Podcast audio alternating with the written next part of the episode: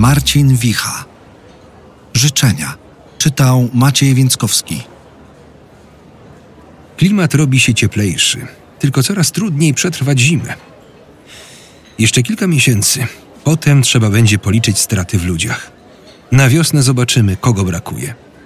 Kto się nieopatrznie odłączył i zgubił w ciemności. Kto nie odpowie, gdy wyczytają jego nazwisko. Ale i tak zaczną się dłuższe dni. Najpierw blade jak mrożona pizza, potem bardziej rumiane. Przyjdzie wiosna, wszystko się ułoży. W globalnej polityce nastąpi odprężenie. Dziura ozonowa zarośnie, firmy farmaceutyczne wymyślą lekarstwo na zarazę. To będzie jak zakończenie aniołów w Ameryce.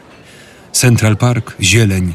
Bohaterowie spojrzą po sobie, a potem każdy pójdzie w swoją stronę. Strachy znikną, nie na zawsze, ale przynajmniej na jakiś czas. Połowie poprzedniej kadencji staliśmy w nocy pod Senatem. Ktoś z przodu wpadł na pomysł, żeby skandować listę senatorów i krzyczeć do każdego z osobna, że jeszcze nie jest za późno. Kompletnie już nie pamiętam, na co mianowicie nie było za późno. Chłopak przed nami wygooglował nazwiska i zdjęcia. Wyciągnął w górę smartfona, żebyśmy widzieli twarze. Przy kolejnym portrecie usłyszałem chichot córki. Politycy na zdjęciach wyglądali jak klony. Dziesiątki egzemplarzy z fabryki facetów w garniturach. Wszyscy w tym samym wieku. Jakby Straż Graniczna przejęła nielegalny transport północno-koreańskich krasnali ogrodowych. Wszystkich nas uderzyła jedna myśl. Coś tu się nie zgadza. Polska tak nie wygląda. Nie aż tak. Potem były następne wybory i następne i jeszcze następne. Potem pandemia. Jednak pamiętam ten śmiech. Już go wcześniej słyszałem. W 1987, w 1988, a może jeszcze w 1989 roku. Ludzie tak się śmieją, gdy upada dyktatura. Tak się śmieją ludzie, którzy już nie mają siły się bać.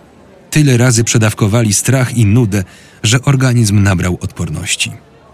Tak się śmialiśmy z sekretarzy, bohaterów podziemia, biskupów. Tak się śmialiśmy z autorytetów, purpuratów, milicjantów i redaktorów. Ponieważ wtedy to my byliśmy młodzi. Młodzi, ale wystarczająco bystrzy, żeby dostrzec ich bezsilność, maskowaną gadulstwem i nadęciem. Bardzo szybko starli nam z twarzy uśmiechy. Może sami to sobie zrobiliśmy. Latami gryźliśmy się w język. Zagryzaliśmy policzki, żeby się nie roześmiać. Chciałbym jeszcze kiedyś usłyszeć ten śmiech. Zanim przyjdzie wiosna, przeżyjemy gorsze lęki. Wiosną żadne z tych straszydeł nie zrobi już na nas wrażenia.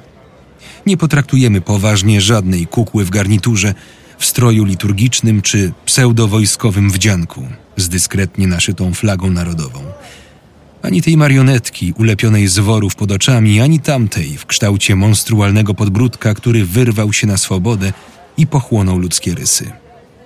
Władza, kiedy traci władzę, staje się żałosna.